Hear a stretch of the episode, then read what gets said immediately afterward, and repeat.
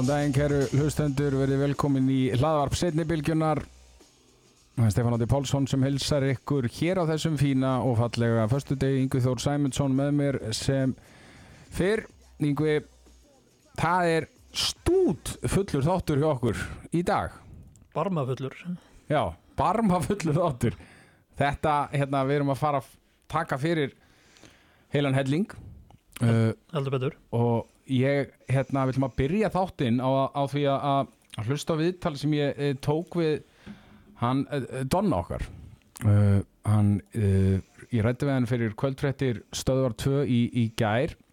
Og þetta er svona kannski skemmtileg saga ekki skemmtileg saga, en þetta er, er áhugaverð saga, ég, hérna, ringi bara í hann Kristján og ætlaði bara að ræða við hann varandi leikin á þriðudaginn uh, við Val sem hann er leikmaði Pák og ég ætlaði bara svona að fá stöðun á hann varandi meðslinn sem hann fekk hérna var fyrir í, í leik gegn Ferin Svarós í Európa-deildin á dögunum. Var það ekki Ferin Svarós eða var það, að ég man ekki. Og hvort það er Ístæti eða Ferin Svarós, ég manna ekki alveg. Og hérna og þá bara kemur kemur fram bara hérna uh, Donni og, og hérna útskýri það að hann er að glíma við kulnun. Og, og, hérna, og sem er náttúrulega eiginlega orðið nokkuð algengt þannig og ég menna ég get náttúrulega bara upplýst um það ég held ég hafi nú farið sko í, sjálfur í vott af kulnun uh, fyrir rúmlega árið síðan. Og þetta er bara hérna orðið frekar algengt. En hérna við ætlum, að, við ætlum bara að byrja aðeins þáttin á að heyra spjallið við hann Donna og, og, og svo bara hérna komum við aftur innan skams Donni, þú hérna, mittist um daginn í Europadildinni, hvernig, hvernig er staðan á því svona núna?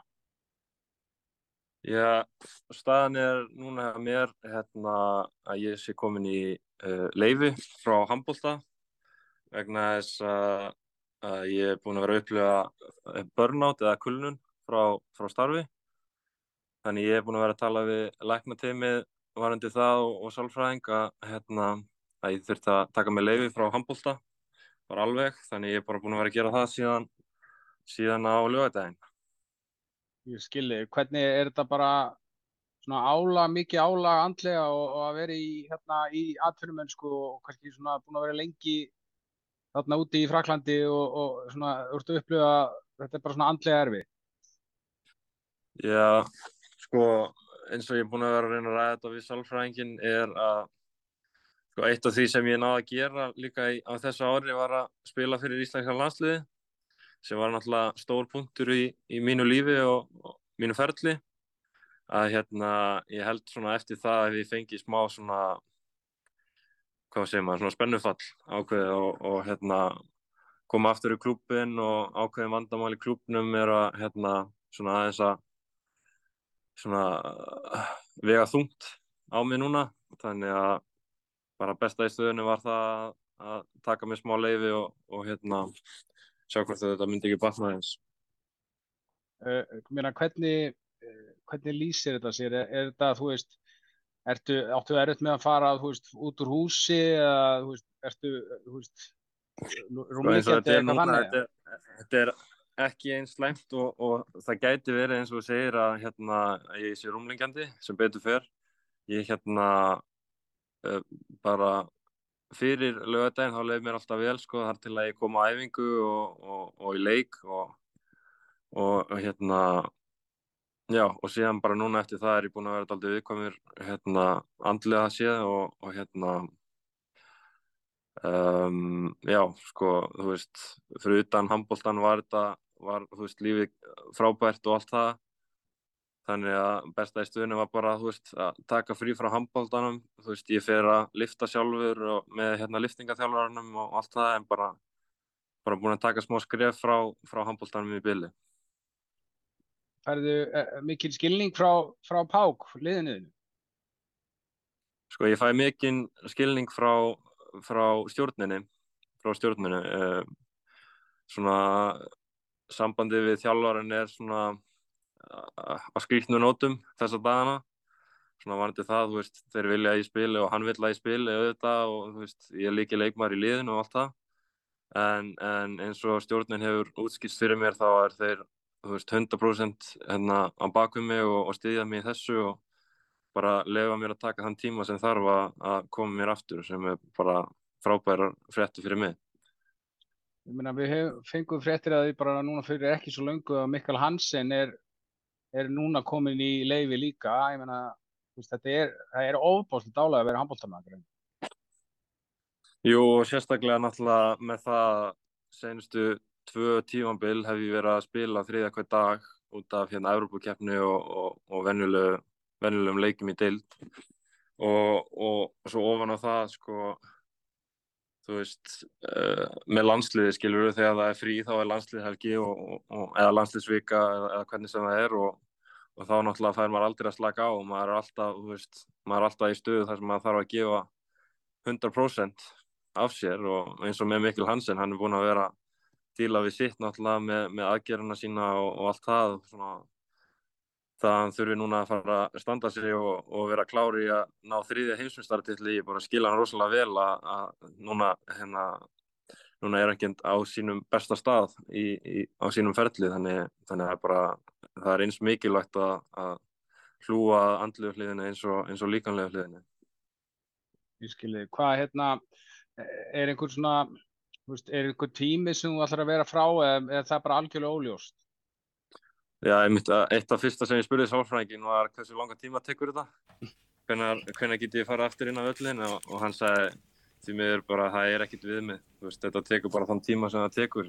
Þetta er bara eins og þú veist, ef þú tóknar ökla skilur maður er bara með smá væga heila tóknun og, og, og það bara tekur þann tíma sem að, sem að þarf til þess að losna við það. Það held ég, þetta var Kristján Kristjánsson uh, í viðtali við mig fyrir kvöldfættir stöða 2 í, í gerðkvöldingu og mér finnst þetta, þetta er alveg nákvæði hugur ekki í þessu uh, viðtali að koma svona fram og, og, og vera vera heiðalegur og einlagur í þessum málum.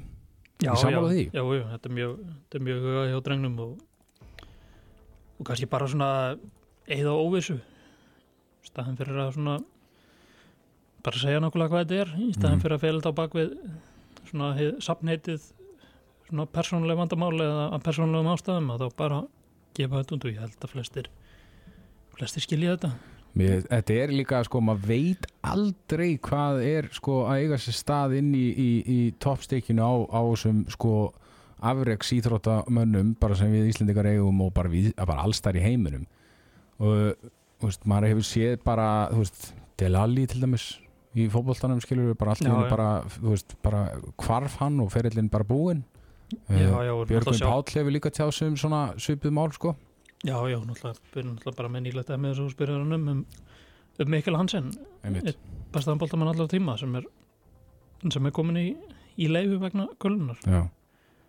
En þetta er bara, já, bara hugað hjá Donna vonandi sem við varum sem fyrstinn á vellinum eftir. Já, frábær með íslenska landsliðinu á háan þegar hann fekk að spila og, og hérna á náttúrulega bara framtína fyrir sér í, í handbóltanum og, og vonandi kemur hann bara sterkari tilbaka. Við ætlum að fara núna yfir í það að ræða eins Evropadildina hjá valsliðinu. Þeir Þeir unnu Benidorm með sex mörgum, lokatöluðnar gefa enga veginn rétt að mynda á síðara hálfleiknum, þeir voru komnið mest 11 mörgum yfir. Uh, þetta voru lömb, leittir slátrunar þarna í, í Órugóhöllinni í, í síðara hálfleik. Uh, en leikurinn byrjaði ekki vel hjá Val. Heldur betur ekki bara þeir voru bara í bólugum vandröðum klúður að döða að færa sérstaklega úr, úr vestra hodninu og bara bynnet orma að spila þennan stórfyrðulega handbóltar sinn mjög vel en og náttúrulega missa Alexander síðan með, með raut spjald mm. annan, hann búin að fá raut í eða fekk raut í báðanleikinu mútið Bennett orma það er ykkur bólvin á honum þegar hann spilar á mútið þessu, þessu ágæta liði en Já, og bæði spjöldin bara, eh, sko fyrrarspjöldin var náttúrulega bara ekkit að brot, hann bara kom ekki nála því broti sko. en þetta er líka kæftæði þetta er já, algjört kæftæði en bara mjög vel gert hjá val að hérna svona að missa ekki, ekki einbindinguna og bara halda sig við sitt sínar áherslur og ég menna sem betur fer helt hérna Benidorm áfram að spila þetta 7-6 dótt sitt. Það er svona þeir hafa ofur trú á þessu en það er spurning, spurning hversu langt þú ætti að ganga. Þetta var bara svona það var svona bara eila orðin fýblagangur sko. Þetta var bara ótrúlegt, þetta er eitthvað það ótrúlegast sem ég hef séð og það næst ótrúlegast var bara í fyrirlegnum þú veist, þjálfarinn er bara í 7 og 6 allan leikinn þarna á þriðudaginn hann er í, hvað, í 53 myndur í 7 og 6 á móti, sko, val uh, úti uh, á Benidorm.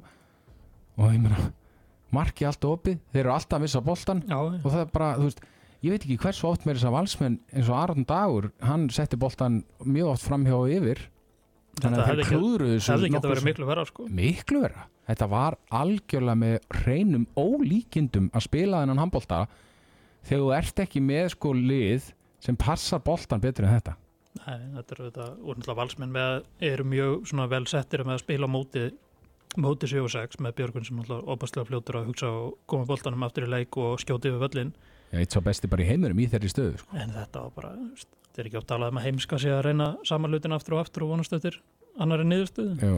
þetta var alltaf ágætti stæmið það. Já, sko, leikurinn byrjaði þannig að mér fannst þetta, við rættum þetta aðeins sko eftir leikin, ég held að Jóhann Gunnar Einarsson hafi nefnt þetta að það hafi verið þannig, hvort hann hafi sagt þetta í hálfleik uh, uh, Valur var sigurstránglega liðið fyrirleik og í fyrsta skipti í, Í- kjarninni sem þeir eru í þeirri stöðu. Og það manni fannst eins og kannski réðu ekki alveg við þá stöðu Til að byrja með. Kanski skiljanlega, ég búið að allir valsmenn búin að tala um þetta sem ústildaleik sem þetta var.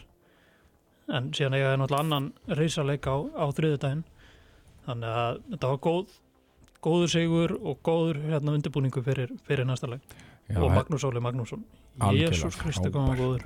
Hann var algjörlega frábær og, og það voru þessir sko kannski hvað maður að segja gömlu kallar sem stíguð upp. Benni, Benni reyndar var góður í þessum leik en hann skora sjö mörg og þrjú af þeim úr vítakasti Finnur Ingi Stefánsson var frábær Vigni Stefánsson var frábær líka og Magnús Óli Stórkoslugur og Björgvin Boll Gustafsson var líka mjög góður í markinu. Og þau fá hérna Arnór sem var náttúrulega besti maður vals í Európa-dildinu fyrir áramót og bara eitt besti leikmaði kefnar heldur næst markaðastur. en hann er bara með eitt mark í þessum leik en samt vinna valsmenn mjög örugan og samfærandi sigur. Já, mjög örugur og þægilegur sigur. Við förum uh, núna í það kannski aðeins að ræða leikinu þriðudaginn því að Valur er að fara að spila við Pák og Donni er ekki með í þeim leik eins og bara, bara eðli málsins samkvæmt. Og þetta er bara úslita leikur því að Valur þarf að vinna þennan leik. Já, já, og Pák liggur ágætlega verið höggi. Þeir eru búin að tapa þreymur leikjum í röð í, í Európa-dildinni og Don ekki með, þannig að það ætti að vera lag fyrir val og þeir voru mjög góðir í fyrirleiknum, bara fóru ítla ráður sínu. Þannig að með svona á heimavelli og bara svona með nánast fullið fyrir utan Róbert og, og Tryggva Gerðar, þá eru valsmynd til aðslikleir. Já, bara ekki spurning og, og, og ég bara svona einhvern veginn krefst þess að fólk sem hefur áhuga á handbólta það var frábær stemning í orguhöllinu í þessum leik Valur Berundón það var ekki uppselt en það var geðveik stemning og bara vel stuttir valsarnir það er ríkala mikilvægt að fylla höllina á þriðudaginn núna á móti Pák því að Valur á mjög raunhefa möguleika á því að fara í 16. úrslit í Evropadildinni Já, já, og Valur náttúrulega verður eiginlega að fá eitthvað út úr þessu leik því að fyrir eins og var að taka upp á því að ná í góð úslita undarförnu og, og geta þeir eru Valur einu stíð undan þeim en með betri árangur ímbyrðsverður mann að bara, bara stíg stig já, eða mjög dýrmætt. Já. Ekki spurning.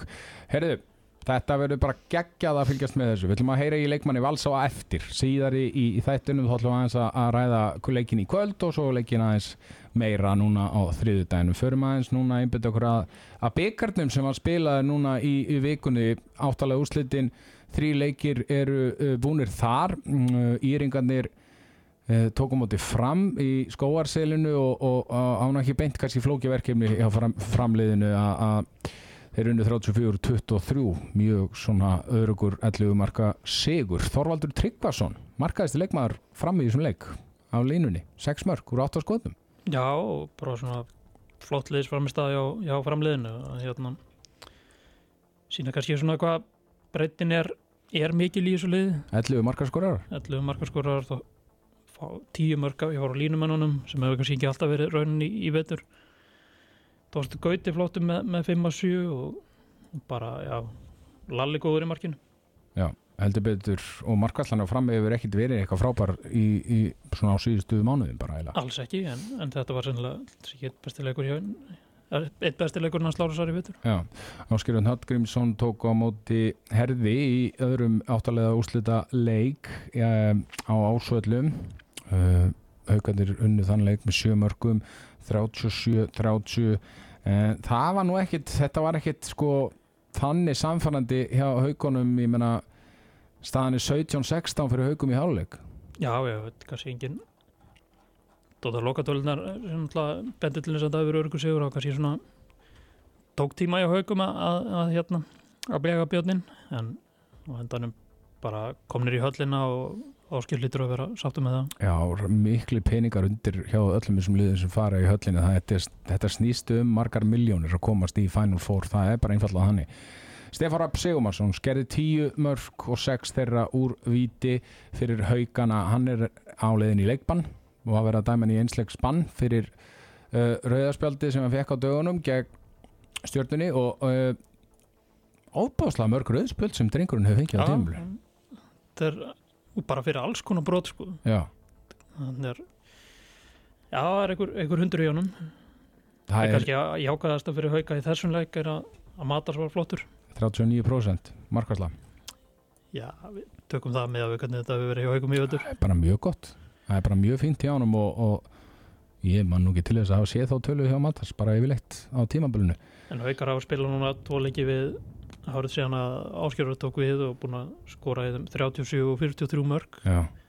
80 mörg í tveimur leikjum það er, það er ágætt. Það er nokkuð bara vín á móti leikustu vörðlandsins sko, heyrðu uh, þriði leikurinn K.A. afturölding liðin sem leikur til úslita um Íslandsmjöftaratitilin árið 1997 sem var uh, geggja innví uh, svo er náttúrulega saga líka eða Guðjón Valur skora beintur aukakasti. Emmett 2001 minni mig, já. ótaleg þá. Já, hann var hann jafnaði mittin þá, hann Guðjón Valur og, og, og það þurfti og skoraði sig hann segumarkið úr viti eftir að leiktum við maður runnin út minni mig. Já. Uh, Já, og hérna, þetta var alveg leikur. Þetta var sko lang skemmtilegasti leikurinn af þessum tremur Framlengja þurfti leikinn og Átni Bræði Egilsson eiginlega kláraði bara leikinn í, í framlengingun skoraði fjögumörk í framlengingu endaði með nýju sjálfur og mér, svona, að mín tilfinning Átni Bræði sé bara þessi leikmaður hann elskar þessi moment. Já, já, elskar að spila ekki á heimilinu þetta frábært tímabil þarna, hvað, 2020-2021 og það var sennilega hans besti leikur í vetur og bara eitt besti leikur vetrarins í íslenska boltanum. Það var frábært skemmtun og eina svona sem setur takkabletta á þetta er þetta meðsli þóstaslega Já, það er bara eitthvað ólukku ský yfir þessum þessum bráðefnilega leikmanni sko.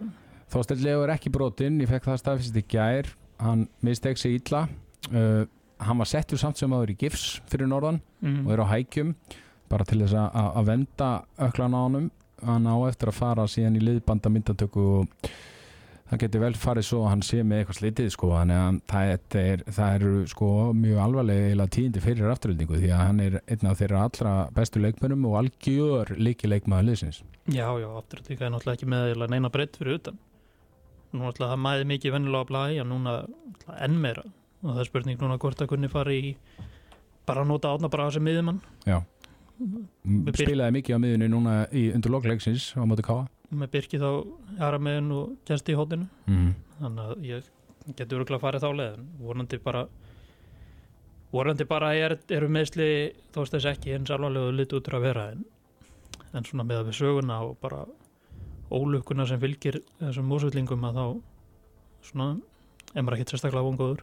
Nei, en það var eitt atvik í þessum handbóltaleik sem var ótrúlegt Já, það þarf ótrúlega staðviki bara síðan að Ég man ekki eftir ótrúlega atvik í handbóltaleik þegar að Úlfar Páll Monsi Monsi sjálfur kemst einn í gegn engin í marki og hann neldi boltanum í slanna. Þetta var bara svona þetta er svona augnablik það svo manns hvar og vastir og sást þetta sko. Já, eftir nokkur ámann eftir að munna það sko. Já, þetta var og ef þetta hefði ef afturhaldi hefði tapað þessum leik og hvað þá með einu marki það með þessum lárið eftir og okkur eru sko já mjög líklega, herru, ég heyrði honum í gær hlustum aðeins á hvað hann hafði að segja um þetta magnaða atvik svolítið vond en Nei, í rauninu, mér finnst bara að fyndið skiluru og það er volið litlar áhyggjur þannig séð sko. Þú veist ekki að hafa ágjur að þið myndu kannski tapa leiknum með einu marki?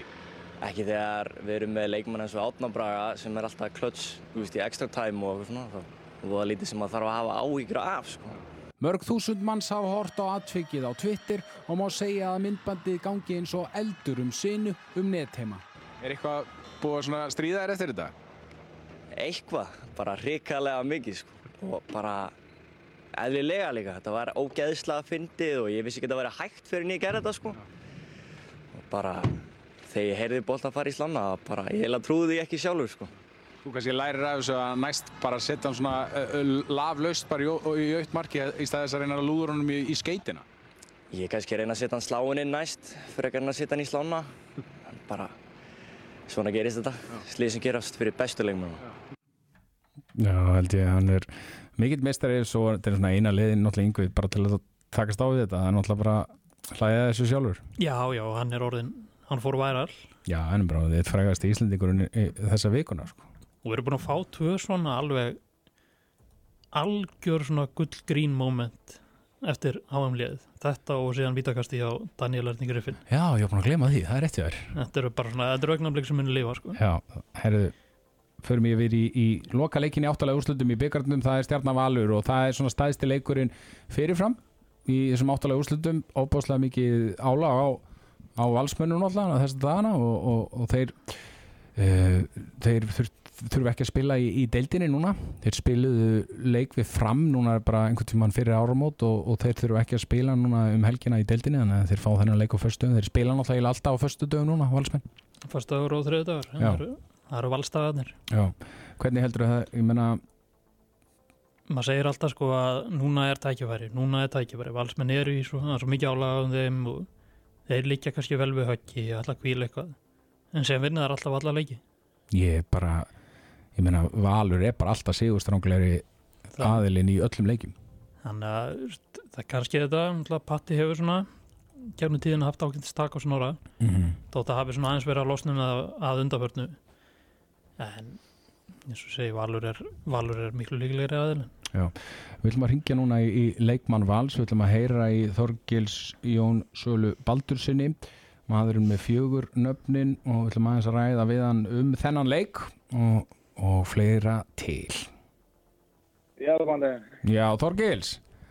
Já, blessaður. Blessaður og sæl, velkomin í hlaðarp setnibilgjunar Herðu, þið er að fara að spila alveg leiki kvöld, það er byggarinn Það byggja ykkur í kvöld, mútið stjórnunni Já, hvernig leggst þetta í ykkur? Það er alltaf spenntið fyrir þessu sko. Já. Það er ykkur leikur. Meina, hvernig er, æfið mikið bara svona vennulegar æfingar þessa dagana? Er þetta bara svona endurhæfing og, og videofundir og ég veit ekki hvað?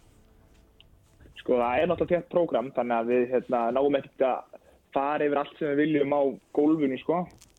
Þannig að við þurfum mjög mikið líka bara undir bókur heima, horfa á vídeo og þú veist sjá, sjá hlutina fyrir okkur sko. Já og vantanlega mikið bara svona mikið áhersla hjá ykkur að komast í Final Four. Algjörlega sko það, og bara vinna titilinn það hefur alltaf verið stefnan sko. Já því er ekkert að fá leið á því að vinna titla? Ekki að þá allavega, okkur líður vel það Hvað er svona, hefur verið bara, já, bara fyrir þig að, að svona díla við þetta mikla leikja álaga sem hefur verið á okkur í vettur? Eru lappindar orðnar, orðnar þungar eða? Sko, þetta tekur alveg á. Það finnir alveg fyrir um að, veist, koma svona veist, lítið þér og þar, sko. Og líka svo dættar mann bara út og þá er meira álaga á, á hérna, sko. Einmitt. Algjörlega frá því meðslum, sko, en, þú veist, eh, við erum alveg útrúlega gaman, sko. Ég er ekki vilja sleppa neinu af þessu þótt að maður er eitthvað smá tæpur hér eða með, með eitthvað þar sko. Þú varst náttúrulega eitthvað að reyna fyrir að fara Erlendis eða ekki fyrir tímabili og, og varst svona eitthvað að leita einhverju liði það hefði verið leiðilt að missa þessar reyðlakefni í Europadildinu til að mynda Já, algjörlega sko ég bara lóks um að það var eitthvað að, að reyna sko og snorri í mig og sagði bara, herri, kjallin minn, þú ert ekki að fara neitt sko. en það var í reyðlakefni sko Hvernig, meina, hvernig hefur verið að taka þátt í þessu? Fara svona, þú veist, Erlendis núna, hvað, í fjór, fjórum sinnum og spila hérna við Flensburg og, þú veist, bara vera og líka vera bara í séns á að komast í 16. úrslutum þegar tvei leikir eru eftir. Hvernig lífsreynsla hefur þetta verið? Þetta er gríðalega upplifum, sko. Þetta er bara, þú veist, skemmtilega sem ég geri er að fara út, drútlanda að spila með þessu strákum og hérna bara það er ótrúlega gaman og sérstaklega eins og bara stór líð eins og við tala um Flensburg að færi þetta sjálfar, maður er ekkert endilega veist, það er ekkert frí endilega maður er bara á hóteli og undirbúið sig og veist, æfa eitthvað tótt en þetta er ógeðslega gaman sko Já, og ég meina þið allir ykkur meina það er rísa leikur á móti Pák á þriðudaginn eftir Algjörlega. beikaleika á móti stjörninu núna í kvöld og uh, svolítið svona hreinn- eiginlega hreitni úrslitaleikur um að komast í 16. úrslitin menna er þið ekki bratti bara fyrir leikin? Jú, við erum al algjörlega sko. En við tökum alltaf bara eitthvað einu, það er bara fekkaleikur í kvöld en, en svo bara 100% stefnur á að vinna koma sér í sendal úrslitin. Bara með þessu sigri getum við komið okkur í sextaliða og það er bara veist, það er bara nákvæmlega sem við viljum og, og frábært að eiga sens á þessu eftir þessa leiki bara í öðrundildina að geta bara komið sér í sextali úrslit. Draumur. Hvaða svona leikur aðeins sem eru búnir í, hjá ykkur í Europadeldri, hver hefur svona staðið upp úr, upp úr fyrir þér? Sko, fyrsti leikur motið FTC var, var geggjað sko. Hann var ógeðslega vel mætt í veist, ég aldrei séð bara valsemili svona sko. Mm og þú veist, stóðum okkur vel og unnum þetta var fyrsta leikurinn við sem ekki hvað þetta yrði og þetta er bara hörkulið frá Ungarlandi og við unnum þennan leik og þetta það var, þetta stendur upp úr sko. Heldur betur. Uh, gangi ykkur vel í kvöld Doggi og, og, og gangi ykkur sem vel hérna á, á þriðudaginn hvetur vantilega alla að stútfylla orguhöllin á þriðudaginn algjörlega, ég vil sjá bara sem flesta sko. Þetta verður gríðileg stefning og þetta verður geggjaða leikur. Geggja, gaman að heyri þér og hérna, já, eins og ég sagði það, gangi ég vel í, kvöld og, og á þriðudaginn Takk hjá að vera það, takk fyrir að hringja. Ekki máli, takk. Þetta verður já, þetta verður mjög aðteglisvert uh, hérna, ég er nú spenntar fyrir þriðudaginum heldur en í, í, í kvöld. Ég horf ekkert á hann á villir sér Já, rás. Já, já, já. þannig að við erum búin að eða reynda mjög miklum tíma að ræða hana byggar Herri, það var eitt leikur í, í deildinu núna í vikunni og það var náttúrulega fengum loksins að, að sjá eigamenn spila handbólta Já, fyrst deildaleikurinn síðan annan desember og já, þeir bara lítur bara nokkuð vel út. Ég held að það sé það sé engin gífur að segja hana nei, ég meina Kári Kristján hann, hann náttúrulega þeir selfisíkandi riðu vægast þetta ekki við hann. Hann skora tíu mörg í leiknum og þrúu viti hann er sjö af línunni. Fengur líka markvæslu Já, ég meina, sko, Petar verið vel í þessum leik. Svo kemur nýju leikmaður Pavel Miskevits uh, og hann verið nýju þeir eru með samkvæmt vísi 20 varðabólta en eitthvað minna á Hopi Stats en Já, já, það er náttúrulega aðeins svona þessar við teljum þetta öruvísi en, en, en aðrir en, en bara góð markvæsla hjá þeim og kannski svona koma Pavels hafi svona aðeins ít við, við Petar Já, fá, ég- fái hérna samkefni ég sá líka sko, það er einhver kemistri á milli þeirra tvekja, ég sá það í útsendinguna að sko, það er bara, þeir, þeir eru bara gó- góðir vinnir sko. Já, hvað, hérna Þeir voru bara að gefa fæf og, hvetja hvern annan og, og, og þetta var bara þetta var bara, þú veist, ég bara einhvern veginn, kannski mögulega bara, var þetta eitthvað sem Petar þurfti bara einhvern alvöru, bara einhvern vinn þarna í, í liðinu. Já, einhver hérna, hvað, teknesk og bosnísk samvinna? Já, einmitt. Ísak Gustafsson, hann var frábær í þessum leik og skoraði 12 mörg, 6 úr víti Eh, Ísak náttúrulega fór svona, fór svona frekar hægt að stað á tímabilinu, mér finnst hann svona, búin að vaksa dóldi í, í vetur, þannig þegar líður á tímabili. Já, hann hefur vaksið en Einar Sverrisson hefur svona aðeins stalað Heldur betur. hann, eh, og síðan alltaf saknaðu þeir Guðmundar Hólmars Já. heldur betur því að náttúrulega bæði vart og sókn og sérstaklega svona þegar komið að byrja boltan það var Sverri Pálsson í svona í svona óvinnilegu hlutverki að koma upp á boltan og það voru svona Ég skora náttúrulega fólk að fara inn á Twitter síðuna hjá Arnari Daða, hann er með myndband á Seri Páls að bera upp boltan. þetta er maður sem má ekki að fara mikið út fyrir mið, framfyrir miður sko Nei, bara... hans kjörlendi er bara í vörninni Já. En ég meina, eigamenn eru komin á staða nýja leik og Erlingur Richardson er farin að tala við okkur aftur, þannig að það er bara frábært og bara ég er mjög ánægð með hann. Kom í viðtal til okkar og, og mjög góður í því viðtali og þú veist, Erlingur náttúrulega útskýrið þar af hverju hann ætlar sér að hætta, hann ætlar bara, að, bara og hann finnst eins og þessu komið tími fyrir hann að stíga til Einmitt. nýtt andlit uh, eigi að stýra, stýra IBVF liðinu og, og hann sé kannski, maður svona skinnið það bara eins og hann sé smákomi með svona bara svona einhvern veginn nóg bara hann handbólta í billi Já, já, hann ætla bú, hættu með hollandska landsliðið og síðan er þetta fylgji kjálfarið en þannig já, hann er náttúrulega búin að þjálfa mjög lengi sko, kannski átta sig ekki alveg á því hann er búin að þjálfa, hann byrjaði bara að þjálfa á, snemma á þessari öld sko. Já, þegar IBF fór í úrslit 2005 að þá var hann spilandi þjálfari. Mm þannig að þetta er orðið, þetta er langum ferill og örgulega fara að síga vel í. En það verður óbóðslega erið fyrir það að- að finna einhvern annan þjálfara sem er eins sko klókur þjálfari og Erlingur Richardson ég meina maður sér það ekki fljótu bræði Nei, nei og það er svo verið sem maður sem maður svona fyrsta nafni sem hann datt í hugar Arnar Pettersson en mm. það verðist ekki vera Nei. að vera á stefnusgráni Kristín Guðmunds Ég held að það sé gæti alveg komið til greina sko hann alltaf hefur verið að vann með lengi og þetta bara náð fínum árangur sem á sínu ferli sko Já, ég held að, að, að það væri sko, ég meina ef hann er til í þetta, ég held, og hann náttúrulega þekkir eiguna mjög vel, ég held að það væri svona einn vænlegasti kosturinn sko. Já, nokkur svona, nokkur örugráðning Já, það er náttúrulega spurning hvort að þetta verði maður er heyrt umræðum, að þetta verði eitthvað Kári Kristján, Maggi Stef líka, þú veist, að ég hef ekkit, þú veist þetta er ekkit sterkar heimildir, ég hef bara heyrt eitthvað svona slúðursögur um það, kannski að Kári sé að fara að segja þetta gott og hann takir þetta með Mag Magga Stef. Já, það er náttúrulega, Kári er held ég alveg öruglega var hann á sér í þarna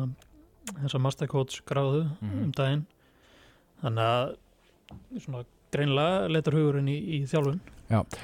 16. umferðin er, er framundan hjá okkur. Við ætlum að hita upp fyrir hana. Er, við byrjum þetta allt saman á sunnudeginum klokkan fjögur eru tveir leikir, það er Selfoss hörður uh, á Suðurlandinu. Selfissingar eiga bara að vinna þann leik.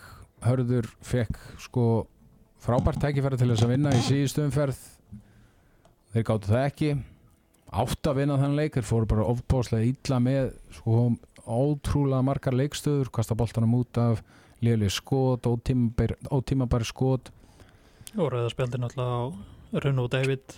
Mjög, mjög dýrt. mjög dýrt. En það er, maður sér það, það sést að langa leiðir að það er hörkur spilari sko.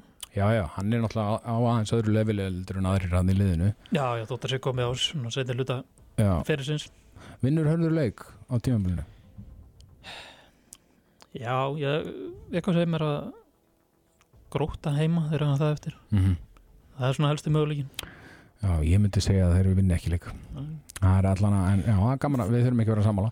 Það er smá svona bara svona óskeika kannski. sko. Já, sko uh, það væri rándýrt fyrir gróttu sko, því að þeir, þá er bara úrslitakefnin ef þeir myndu tapa einhverjum slík, slíkum leik þá var, geta þeir glemt í að fara í úrslitakefnina sko. og það verður erfitt nú þegar sko. Já, já, þeir eru þreymur stigum frá þessu núna og, og svona þeir hafa verið svona að sigla í, í ranga átt mm og tapa, tapa hérna síðustu þreymur leikjum með hvað, 14 markum samtals.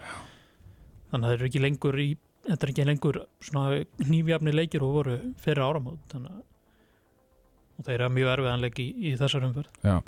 Síðan, að, við erum áfram á sunnudeginum 1930 í beinútsending á stöð 2 sport það er FH Gróta og þetta er uh, aðteklisveru leikur því að sko FH-angar og með fínan sigur á móti fram í síðustu umferð þeir voru alls ekki góður á móti val í umferðinni þar og undan. Gróta er aftur á móti virðist bara að vera í einhverju frjálsu falli og, og liðið er ekki á góðum stað.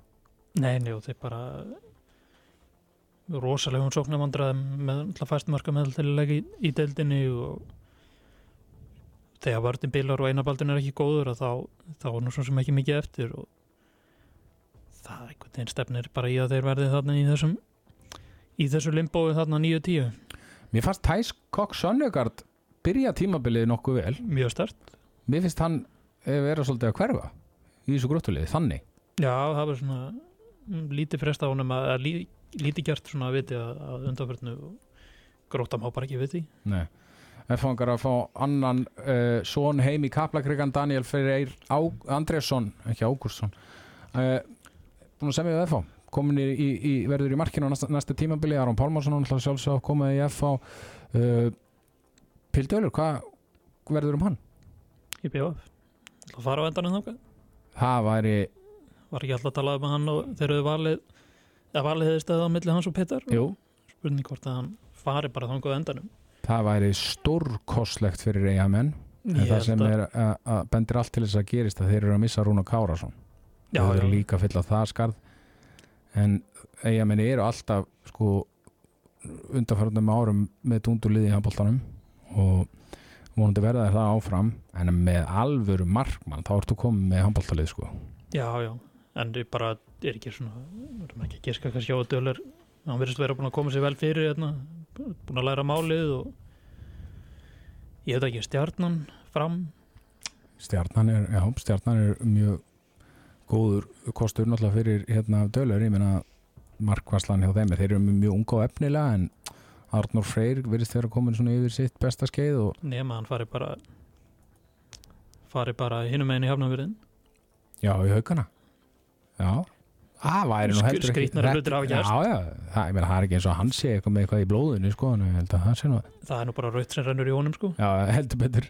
Herri, síðan á mánudeginum þá erum við með afturölding haukar og stuð 2 sport og það sem ég langaði mest að ræða fyrir þennan leik það er náttúrulega Guðmundur Hólmar. Helgarsson er á leiðin í hauka. það er, það er stórt. Frændurnir saminnaðir ef, já, þannig að hjá þriðja liðinu þá þannig að þetta er náttúrulega bara þetta er greiðlega stórt mikil, mikil bóðtaka fyrir sælfinsinga en Guðmundur Olmar á eftir að styrkja hauka mikið sérstaklega í vörðinni kannski helstar því að ég meina þá vantar hérna kannski svona menn sem geta spilað í fleiri menn sem geta spilað í miðurum vörnum og veit ekki svo með heimi Óla hvort að hann verður spilar næst tíðumblá hann drein á land bara fyrir svona í neyðu núna. Þannig að þeir vera þá getur þá verið með Guðmund Olmar Þráin Adam Stefán Opn, það er ágættis það er frábær vartanlína. til þess að svona sem þrist allar rúla á Ég heimir Óli spila nú ekki á næst tímbili, mér finnst það nú eiginlega út að loka sko.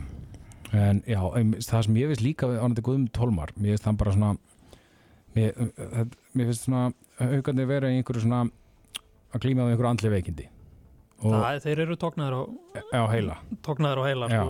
og kar, finnst Guðmundur Hólmar er brjálaðslega mikill karakterinn á vellinum.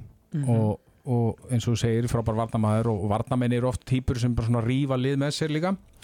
Og því það held ég sé svona uh, faktor vanandi sko haugana sem er óbúðslega mikilvægt að fá hann inn í liðið. Kannski svona ég veit ekki hvort þetta er rétt kynninga en það getur verið svona eins og þegar Artan Pétursson kom í kom í hauka á sinni tíma Já, bara uh, ekki þegar þeir spurning. voru í svona aðeins að niðurleið eftir mikið velmögunarskeið þá reyfa hann þá aftur upp. Spurning hvort að Guðmundur Holma geti gert það sama.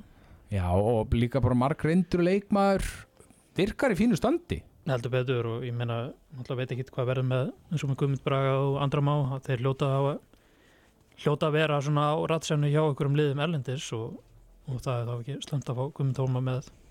Eða ég fylla það skarð ef þeir þetta út Það er bara heldur betur. Herri, lokaleikurinn á þriðudeginum uh, það er stjarnan í BVF þessi leikur er á þriðudagskvöldi því að stjarnan er að spila í byggardum í kvöld. Setni bylgjan verður á mánudagskvöldi aftur á móti.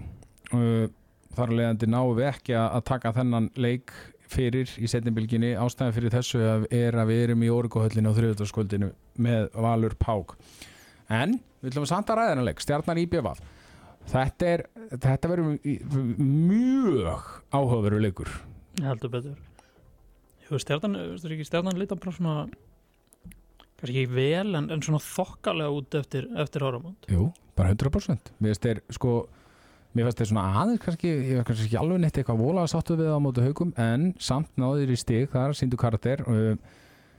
Mér fannst þeir miklu betri í fyrsta leik Mhm. Eftir áramót og mér fannst bara Það er eitthvað, mér, fannst, mér finnst einhver svona Stemning í stjörnunni núna sko. Þeir eru verið að hafa nýtt nýtt háumliðið mjög vel og, og ég menna þeir eru í, eru í fjórðasæti og ég veit ekki hvort þið geta gert kröfu á að vera eitthvað mikið ofar.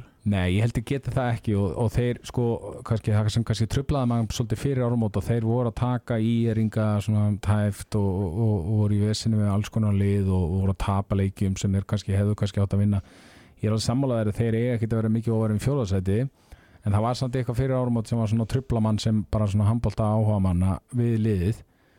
En það er spurning hvort að Patti sé bara snúa þessu við því að þeir voru frábærir á síðasta tímabili fyrir áramót og voru eiginlega hræðilegir eftir áramót. Og svo bara hérna hvort að hann sé ná að snúa þessu við núna að- vera betri eftir áramót, áramót sem skiptir nú öllu máli. Jú, jú, það er kannski svona að verði þá komist í undanúrslutin á, á síðan tíma? Ekki nokkur einasta spurning. Nú erum við búin að hita upp fyrir þessa 16. umferð og þá ætlum við að fara í listan. Top 50 bestu handbóltamenn aldarinnar. Það er sko seria sem þú ert búin að vera með Ingu Þór Sæmundsson og hún kláraðist í dag.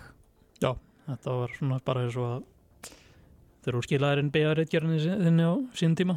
Þetta var svona pínu spennufall og bara léttir að vera að búin að setja þetta allt í loftið. Það var enda mjög fyndið þegar nefnir bjöðaritgerð það var eitt af fyrsta sem ég gerði bara yfirleitt í háskóla á náminu mínu. Ég, Já. ger, ég gerði bjöðaritgerðinu mína bara á annar önn eða eitthvað. Það tók samt aðeins meir en tvö ára útskrifað já, það tók nýju tók nýju ár. Stjórnmálafræðin er nýju ára nám. Herri, við ætlum að fara núna að, að, að, að renna við tíu bestu og við erum með Tjörfa Þorkirsson í tíunda sætinu uh, og fyrir þá sem við erum ekki búin að sjá sæti 1, við bara tölum um það eftir. Uh, Íslandsmeistari í fjórgang 2009, 10, 15 og 16 byggamistari þrísásunum, deildamistari hann hefur verið ekkert eðlilega oft deildarmistari 2009, 10, 12, 13, 14, 16, 19, 21 aukar elska þennan titil og hafa elskað hann á undanförnum árum en já, bara tjörfi herra haukar Já, bara með meira prófi að stýra, stýra hérna handbóltaliðum og svona getur kannski ekki hann hefur kannski aldrei verið í þeirri stöðu að getur orðið meistari með hann sem bestamann mm en ef hann er svona þriði, fjóruði leik, besti leikmaðurinn þinn eins og var 2015 og 16 í haukum þá orðið í frábænum málum. Mér finnst líka bara, þetta er svona ekki margi leikmenn sem mér finnst svona að vera eins miklir handbólta heilar og Tjörfi Þorgesson Nei, og hann alltaf spilar alltaf sko, einhvern veginn síðasta sem hann hugsa um þegar hann fer inn á völlin er hann sjálfur. Já, hans tölfræði og hans frami. Spila bara fyrir samirjana gera aðra betri og liðin hans vinna oftast. Já. Janus Staði er í, í nýjöndasætinu með aðeins færri tillan alltaf en Tjörfi en, en frábær handbóltamaður og svona setti heldur betur svip sinn og deildina hér á síðan tíma. Já, hann er svona alltaf spilaði bara 2,5 tímabilið hérna á Íslandi og sem alltaf langt minnsta af þessum gaurum sem eru þarna veldi bara minnsta af þeim sem eru á þessum lista. En þessi 2,5 tímabil var hann svo langt besti leikmaður deildarinnar. Mm -hmm. og svona ekki veit hvað átt hefur verið mistifur og ég meina, haukar hafi ekki orðið mistara síðan hann fór og það Nei. er engin tilvílun Nei, það þeir er þeir hafa bara ekki fundið þennan sama þeir hafa bara ekki náða að fylla skarðið hans fundið svona sam, svipaðan karakter og svona bara ég veit svo sem ekki hversu svona vókal hann er enn en hann bara svona leiti með góðu fórdæmi bara algjörlega órættur óð alltaf á vördina eins og villimaður. Mm. og bara var eins og segi hann var bestur í deildinni áður hann fór út. Já.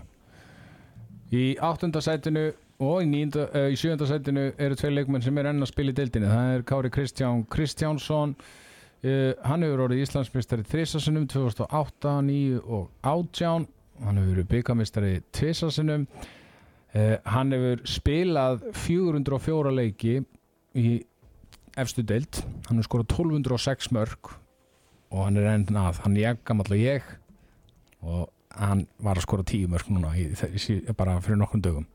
Já, hann er svona hann er alltaf svona í og við bara tíu markaðastu leikmenn östu delta bara frá uppa það voru ekki að tala um þetta og þessari öll delta bara frá uppa Já, það er Valdimar Grífsson með 1903 mörg en ótrúlegt fyrir Kára veist, sem línumæður sem tekur svona venjulega ekki viti þannig að við nú gert eitthvað í síðust ár Já.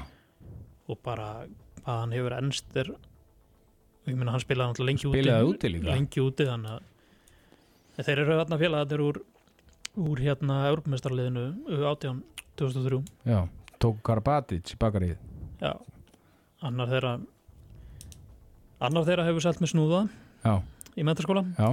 Hinn ekki. Og Björgun var til að seltist núna Já, já, það var alltaf förstu dögum að þá voru bakaranefnarnir upp í MK að þá, þá seldu þeir hérna bakkelsu upp í björstofu það sem svona það sem Royalin hjekk Já, og þar var, ég mitt að það kannski ekki huga að 15 ára senna var ég að skrifa um hann sem einn. Eitt best, besti handbóltamæður aldarinnar. Já, og efsti markmaðurinn á þessum lista. Já, og, og enn að og er, ég sé ekkert Björgun vera að hætta alveg á næstunni sko. Bara, og engin ástæða til. Bara besti markmann í, í ólistildin í dag hann er í íslenska landsliðinu og á að vera þar því að hann síndi það alveg að háa um núna að hann á að vera þar. Og gæti vel verið ef þessi listi verið gerður aftur eftir 10 ára þá er hann sennilega komin kannski komin á top 5 já, og þráttur að hafa er náttúrulega að spila lungaður sínu ferli erlendir ekki nokkur einasta spurning. Það er komið að sjötta setinu og það er minn maður Jóhann Gunnar Einarsson. Með, við vorum saman í mentaskóla á sín tíma hann er einu ári yngri en ég. Og þegar ég er semst á öðru ári í mentó og hann kemur inn þá svona hárum mér á hann og maður svona Jói var alltaf einhvern veginn þennan handbóltamaður maður horfði á hann. Þessi getur ekki verið eitthvað geðveikur sko. Ég held En- að óbúðslega margir vann með þetta mjög, en hann var frábær leikmaður það var alltaf fáir sem skutu jafnlaust og hann. Já, en þetta fór einhvern veginn alltaf inn. Og bara, þú veist, ógeðislega skemmtilegur skemmtilegur náungir sko. En skemmtilegur sjónvarpi og stór skemmtilegur leikmaður og, og var alltaf miklu uppáldi á mér. Já. Sko, íslenski Charles Barkley. Já. minnst það frábær fyrirsögn nema með titla. Já, Barkley á, hann, á, hann náði því ekki kallinn. hann náði því ekki og reglulega myndur á það en, en þetta er sem sagt vísun í orð frá Kórubólta svona séníinu Bill Simmons að hérna svona annarkvort er að leikminn hætta þá annarkvort bara fara þeir draga sig, þeir sig úr sviðsljósinu eða þeir fara í sjónvarp eða þjálfun eða eitthvað og verða þá bara svona enn frægar en þeir voru sem leikmenn. Já, sem er leiðin sem Barkley fór. Já, sem er, veist, hann er jafnvel enn frægari núna en hann var þegar hann var að spila. Einmitt og Jóhann Gunnar hefur farið þessa leið og það á miklu, miklu smarri skala. Já, svipa fræðir það er svo leis herri, í fymta setinu er Áspjöld Friðriksson uh, einu sinni Íslandsmeistaratitil en er samt búin að vera ótrúlegur í, í þessari deild á þessari öld. Búin að vera allra besti leikmaðurinn í, í deildin í bara ára tuga eða eitthvað svoleiðis. Og já, já, hann er, búin að skora, það eru ekki margir búin að skora fleiri mörg en hann. Og hann er alveg svona það fer svolítið eftir hvað hann, hvað hann spila lengi en hann er alveg gæti alveg komist upp í svona 2-3 á listanum með markaðistu leikmenn emstelda frá upphæfi já, og náttúrulega hann svona þetta eru bara þrýr stóri titlar en það er samt ekki að hafa neðar. Nei, hann er búin að vera svo dominant í Já. þessari deild. svo lengi og hann er búin að spila öll árin sín. Mm -hmm. alla fyrirlin nema eitt tímabilið heima og hann er alltaf góður. Þú getur ekki bent á eitthvað lélegt tímabil frá áspilni Mm alltaf stöðugur, alltaf góður. Og það verður bara mjög áhverst að sjá hann og Aron Balmarsson spila saman á næsta tímabili. Fjóðarsætinu Það er, ég kalla hann Júdas. Sæk mig. Það er Áskeriðan Hallgrímsson Hann uh, tók við haugum á, á fyrir á þessu tímabili þegar Rúnar Sidriksson hætti með liðið og fór til Svíþjóðar. Uh, Áskeri með titlasafn heldur betur. Hann var ekki lengi inn í dildinni uh, Íslandsmistari 2001, 3, 4, 5 Já. Það er magnað. Byggamistari 2001 og 2 og markahæstur í leiknum þar sem hauka tryggja sér titilinn 2003, 4 og 5 Já.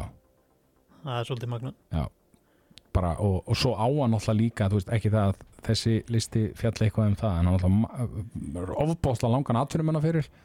En þetta er samt upp á hérna útgáfan af þeim sem ég held langt mest upp á. Já, Vistu, það er eitthvað mjög fárrætt að segja að maður sem vann silfur og brons með landsliðinu spilaði með PSG og Lemko en þú veist, miða við hversu ógeðislega góður hann var sem, sem ungur handbóltamæður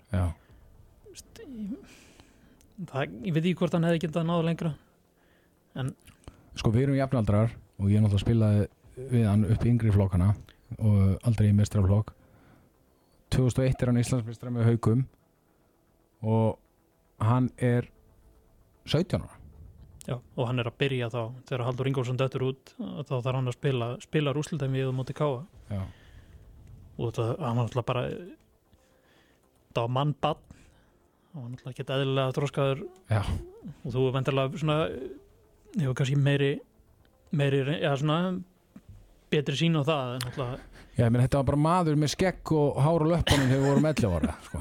Þetta var bara það var ótrúlegt að eiga við hann sko. það var bara, einna, ég, sko, ég hef ekki, ég hef nú fylgst með handbólta mjög lengi sónum minn var ef handbólta, ég hef að fylgjast með, þú veist, jafnaldur um hans spila ég hef aldrei nokkuð tíma að sé betri handbóltamann svona bara eins og áskeg, sko. Nei, nei og bara hann fór út 21 árs og þá búin að gera sko þá með ferilskrá sem margir hefur bara verið stoltir af Já, yfir allan ferilin emitt og það er það sem skilar honum á skilar honum í þetta fjóla seti það var náttúrulega bara ansi hérna illa farin þegar hann kom hérna heim eftir ferilin Já, þannig að og kannski hann er endaði kannski ekki á glæsilegastan hátt en, en þessi fyrsta útgáfa áskerarni hann var svo góður. Já.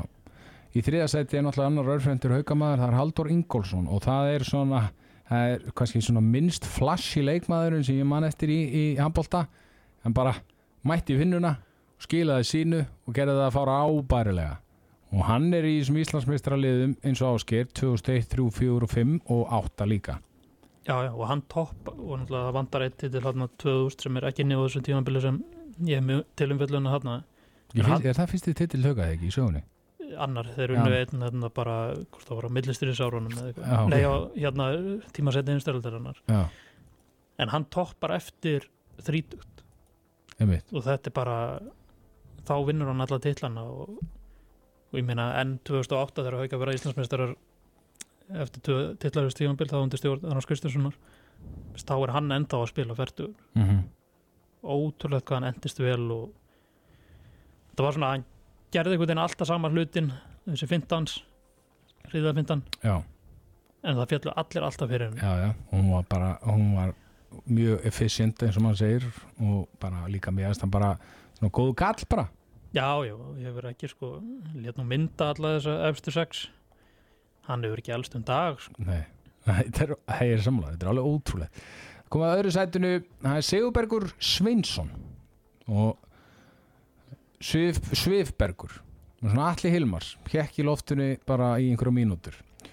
Og hann hefur orðið Íslandsistari með tveimu liðum með haugum og íbjöð 2008, 9, 10 og 18 uh, byggarmistari 2010, 14, 18 og 20 og svo náttúrulega deildamistari með þessu 2009, 10, 13, 14 og 18 uh, og geggjaðslega góð vinstri skitta enginni hans er að hanga í loftinu og líka bara geð, geðveikur skotmaður. Tegaða skotmaður og með frábæra svona yfirsýn. Og kannski svona var náttúrulega í þessu haukarliði sem var þarna mestari þrjú orði röð, komið sér aftur heim. Þá var hann sko að það sé besta útgáðan á honum hérna heima. Hann var stórkostlegur í úslandakefni 2014 þegar hauka töpum og dýfa Já. Það mun allir eftir hérna. Stagnar Smári ánáttlega hérna ottaleika á ásöldum. Já, skoraði ekki Sigurbergur 12 Já, með tólmörk Já. því miður fjalla svona aðeins í skuggan Já, og bara stórkustlega leikmaður og markaðustur í úslutakefni á þessu tímabili sem er þarna undir. Já, og allan sé ekki bara já, hann er bara veistu, vann þrennuna tvísvar mm bæði með haugum og IBF og bara mjög vel að þessu komin. Það er komið á topnum Sá besti, Getinn, Geitin Lebron James, uh, Óli Steldarinnar Já. og, og hann heitir Robert Aron Hostert. Og þetta var nokkuð svona nokkuð afgerandi kostning þessar hefstu sex skáru sig úr og Robert Aron það voru þetta er mjög verðskuldað og þetta er mjög hérna þessi fyrirskráðan er auðvitað er auðvitað rosaleg. Hann er alltaf orðið Íslandsministrar með þremur liðum. Annar, hann er einn af tveimur eða ekki, Baldvin Þorsteinsson hefur gert það líka. Já, allavega svona sem, sem líkilmaður Já, uh, hann varð Íslandsministri 2013, 14, 18, 21 og 22 og það, hann er náttúrulega ennþá að spila. Reyndar mittur núna. Uh, byggamestri 2018, 21, 22 deildamestri 2018, 20, 22 bestur í meistaraliði 2014 og 18 sem er náttúrulega, uh, það er MVP velunin og já, það er þetta bara það sem ég svona huglætt mat mitt. Já, mín Ok. en, en þá var náttúrulega ekki byrjað að veita þessi velun þá sko. Já, en hann náttúrulega líka eins og Sigurbergur unni þrennuna tvisvar og bara sama hvert að fer þá vinnur hann. Og hann hefur bara orðið svona veist, hjá fram er hann bara skitta og í BVF er hann leikstundandi mm og núna hjá Val er hann kannski aðalega svona bara setni bylgjumæður já, varnamaður og setjubilgjumæður Já. sko. hann er einhvern veginn búin að toppa í, í öllum hlutverkum Já. það verður kannski mittu núna en það verður svona gaman að sjá svona hvernig svona þessi síðasti fasi af ferlinu verður ég bara hugsa þú veist, ef maður setur þetta yfir og kannski reynar að tengja við Pavel Ermolinski til að mynda mm uh, mér finnst eins og hann komið með bara einhvern sigur sko einhvern, einhvern svona sigur attitude inn í hópin, hópin. gerir það í Vestmannum mjög ungur, svolítið ungur hjá fram en Já, var frábær í í, í, í því liði uh, ke kemur inn í, í, til Vestmannega kemur með einhverja svona sigur menningu þar fer til vals það stoppar ekkert val þess dagana nei. og ég er svona pæli hvort að hann komið með svipu áhrif eins og Pavel gerir í körunni sko. Það gerði Pavel náttúrulega breytti breytti bara félag hvernig svona köruboltin hjá hjá Vali er. Mm -hmm. kannski hvort að Róbert hefur svona, ég þekki það ekki alveg en hvort hann hefur gert svipað hjá, í eigum náttúrulega töluvert meiri hefð fyrir handbólta í val þannig að hann já. ára tuga hefð sko fyrir sigugöngu þar Já, en þú veist þess að hjá IBF sem var ekki búin að vinna neitt á, nei, engan Íslandsmestari til áður en hann kom. Hann kemur þanga og þeir eru unnið þessa tvo titla með hann sem, sem aðalmannin já, þannig að veist og það var bara óbærslega töff múf hjá honum eftir að hafa vorið mestarinn með fram. Mm skella sér bara til leia til nýleðana já, gera það að mesturum já, það er náttúrulega magna mér finnst líka bara, þú veist, það er eitt í þessum mér finnst það bara töff, töffari Já, Með, og það er bara ekkert að því Skilu, er bara, þetta er bara svona cool gaur á vellinum og hann bara selur sportið. Já, já, hann bara, bara fl svona flott andlit Mhm. deildarinnar sko. heldur betur Yngvi Þór Sæmundsson geggjaður listi. Innir allir hamingjum með þetta. Takk lega og ég veit að þú ert búin að vera vakin og sofin yfir þessu í einhverja tvo mánuði eða? Já, það sé svona byrjaði á þessu byrjaði á þessu fyrir jól þannig að jú, það sé ekki tveir mánuði sem ég sem þetta hefur verið í vinslum þannig að bara gaman að gaman að hérna bara fengi fín viðbröð og bara bara takk fyrir takk fyrir að lesa. Já, takk hérlega fyrir að lesa lesendur vísis og, og hlusta hérna. Og við ætlum aðeins að fara yfir við ætlum að halda áfram að fara yfir hann að lista í setjumbilginu og við ætlum að við erum svona að reyna að fá sérfræðingarna svona til að segja okkur sögur af þessum leikmönnum. Og við erum bara búin að fara yfir fyrstu 20 50-40 og 40-31 uh, svo ætlum við að planið er nú að fá Róbert Aron Horstedt í, í settið. Eh, við klárum þetta í setnibilginni en við erum, svona, við erum aðeins að gera dörfi sem bara fá svona sögurnar frá Loga og, og Tetta og þeim. Hvernig þeir tekja þessa leikmenn á þessum lista? Já, já, hérna, Jói var nú byrjaður á hérna, Twitter, það var hug, Já. ég fekk þessu hugmynd þar í mitt. Það var hérna það var nú bara búið með fjóra en það voru mjög góðar. Já, jú, er, það er sögumöður heldur betur. Herðu, við ætlum að fara núna í þetta hérna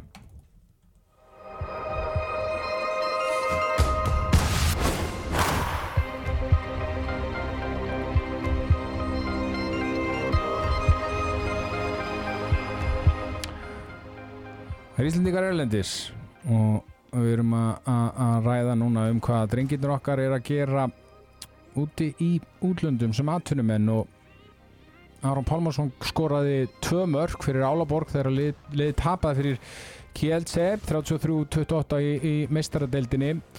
Uh, Já, Kielce er náttúrulega þeir eru ekki, ekki kvarnir á hliðina og greinilega að vinna stertlið Álaborgar og Mikkel Hansen náttúrulega eins og við rættum fyrir um í þettinum en náttúrulega er ekki að spila með Álaborg eins og staðan er núna. Já, já, þetta er kannski svona ef einhver pólskur heimildamindar gerað einhver pólveri sem er að gera heimildamindir hann ætti nú svona að Kilsi væri áhugavert verkefni Já, hvernig þetta er núna því að það bara bendir allt til þess að þetta sé bara svona síðasti snúningurinn hjá þessu félagi. Já, síðast í dansinn síðasti dansin Herri, fyrir til Norex, Kolstad, þar eru Sigvaldi Guðjónsson og Janus Stæði Smárasson að spila. Janus Stæði, einn af 50 bestu handbóltamönnum aldarinnar hér á Íslandi. Sigvaldi skoraði 6 mörg og Janus Trú í sigri á Sandnes 35-21, 14 marka sigur. Og Kolstad eru hefstir með 32 stig. Hvað heldur eftir marga leiki? 16 16 leiki. Já, já, það er bara eins og við mátu búast bara yfirbyrðarlega þarna en það sem að lakka til er að sjá hvernig þið verði mestaratildin á, á næstu tímabili Já, ekki nokkur einasta spurning. Orri Freyr Þorkelsson spilar einni í Nóri hjá Elverum. Hann skoraði 6 mörg í tapi gegn ánt uh, 42-36. Viktor Gísli, og skoraði alveg ótrúlegt já, og skoraði geggja mark. sem hérna var deilt á hérna hvað er ekki Twitter síðunni hjá EOF Já, það var, það var ansið hugulegt heldur betur. Herru, Mæteburg, Gísli Þorgeir hann heldur áfram að fara kostum. Ómar Ingi náttúrulega frá vegna meðsla skoraði 8 mörg, 4 stóðsendingar gegn Lemgo þegar að liði vann 34-28 og svo spiluður í meistaradildin í gær. Ég mitt, á móti Varsbrem unnu þá gísli með tvö mörg Já. og Bjarki 1 eða? Bjarki skoraði ekki en kannski það sem er með Batiburga, hvað þeir eru vel sett. Jafnvel þótt Ómar sér dóttinu út varamæðurinn hans, Kai Smith. já, þannig að verið með nýju þessum leik. Og það, er eitthvað sem fekk alla mínútu með hann og Ómar var heill. Já, en bara frábár úslit fyrir Matiburg sem er, heldur, sem er núna komið upp í annarsæti í reyðlinum og það verður mjög spennandi að sjá hvað þið gera í úrstættinum Uh, förum uh, áfram í Þýskalandi. Melsungen, þar var Elvar Örn Jónsson, hann skoraði 5 þegar að liðið uh, tapaði eftir á móti 28-27 gegn Bergisir, Arnór Þór Gunnarsson með eitt mark fyrir Bergisir, hann er alltaf búin að vera þar alveg heil lengi. Já, já, og hann bara þetta er orðið mjög langur meina, hann fór út hvað, 2000 og- 2010 held ég? Já, þannig að þetta er orðið svakalegur svakalega langur fyrill og, og mjög glæsilegur. Heldur, betur og Arnar Freyr hann skoraði, Arnar Freyr Arnarsson landslismæður skoraði eitt mark fyrir Melsungen í þessum leik, Bjarki Már Elísson, hann hann skoraði, fór náttúrulega yfir hann í meistaradildinni í gær en hann skoraði sex mörg gegn, fyrir Vesprem gegn og hlustaði nú Bala, Balaton Furetti Balanton Ferretti 41-20 fullkomið frambur Já Herri, Óðin Þór Ríkarsson heldur að hóma slá í gegn og hann, hann gerði ekki nema 12 mörg fyrir Katatan Sjáfásen sem vann Basel í hörkuleik 38-37 og fylgdi því síðan eftir í, í Európa-deldinu með 10 Já, og er búin að vera í þessum þessu þrjí leikir eftir, eftir HM hann er búin að skora samtals 30 mörg hann verður ekki í, Katatin Sjáfár sem þetta lánasta tíma nei, ég trúi ekki. og líka bara uh, mér held líka að, að hann hafi verið valin í landslið það gert hann alveg hrikalega gott bara upp á sjálfströstið og hann er alltaf með sjálfströst já, fyrir já, sko. hann vantar ekkert upp á það en, en þetta verður enn, enn frekar svona blása lífi þá glæður Já, og gefur líka svona leikmennin sem honum kannski bara trúa að það eru ég get bara að fara í búndisleikuna, ekkert vesen og hann er náttúrulega með hæfileika og hann er með allt til þess að spila þar Já. á allra hægsta getist í Já. Herri, fleira var það ekki í Íslandingar Erlendis að þessu sinni búið að vera marathon þáttur hjá okkur yngvi og við erum að fara uh, bara að halda áfram að, horfa á handbólta, það er alltaf ekki eðlilega mikil handbólti í februar sko. Nei, það er bara, bara það var mikill handbólti í janúar og það var ekki orðið minni nú. Nei, bara það er, svo, það er bara handbólta okkur einasta degi, það er byggarinn, það er ólís það er Evropadildin uh, ég er kortir í handbólta kulun Herri, en ég bara takk hérlega fyrir daginn yngvi og, og sjáumst í næstu viku og við heyrumst í næstu viku kæru hlustundur þangað til næst verið sæl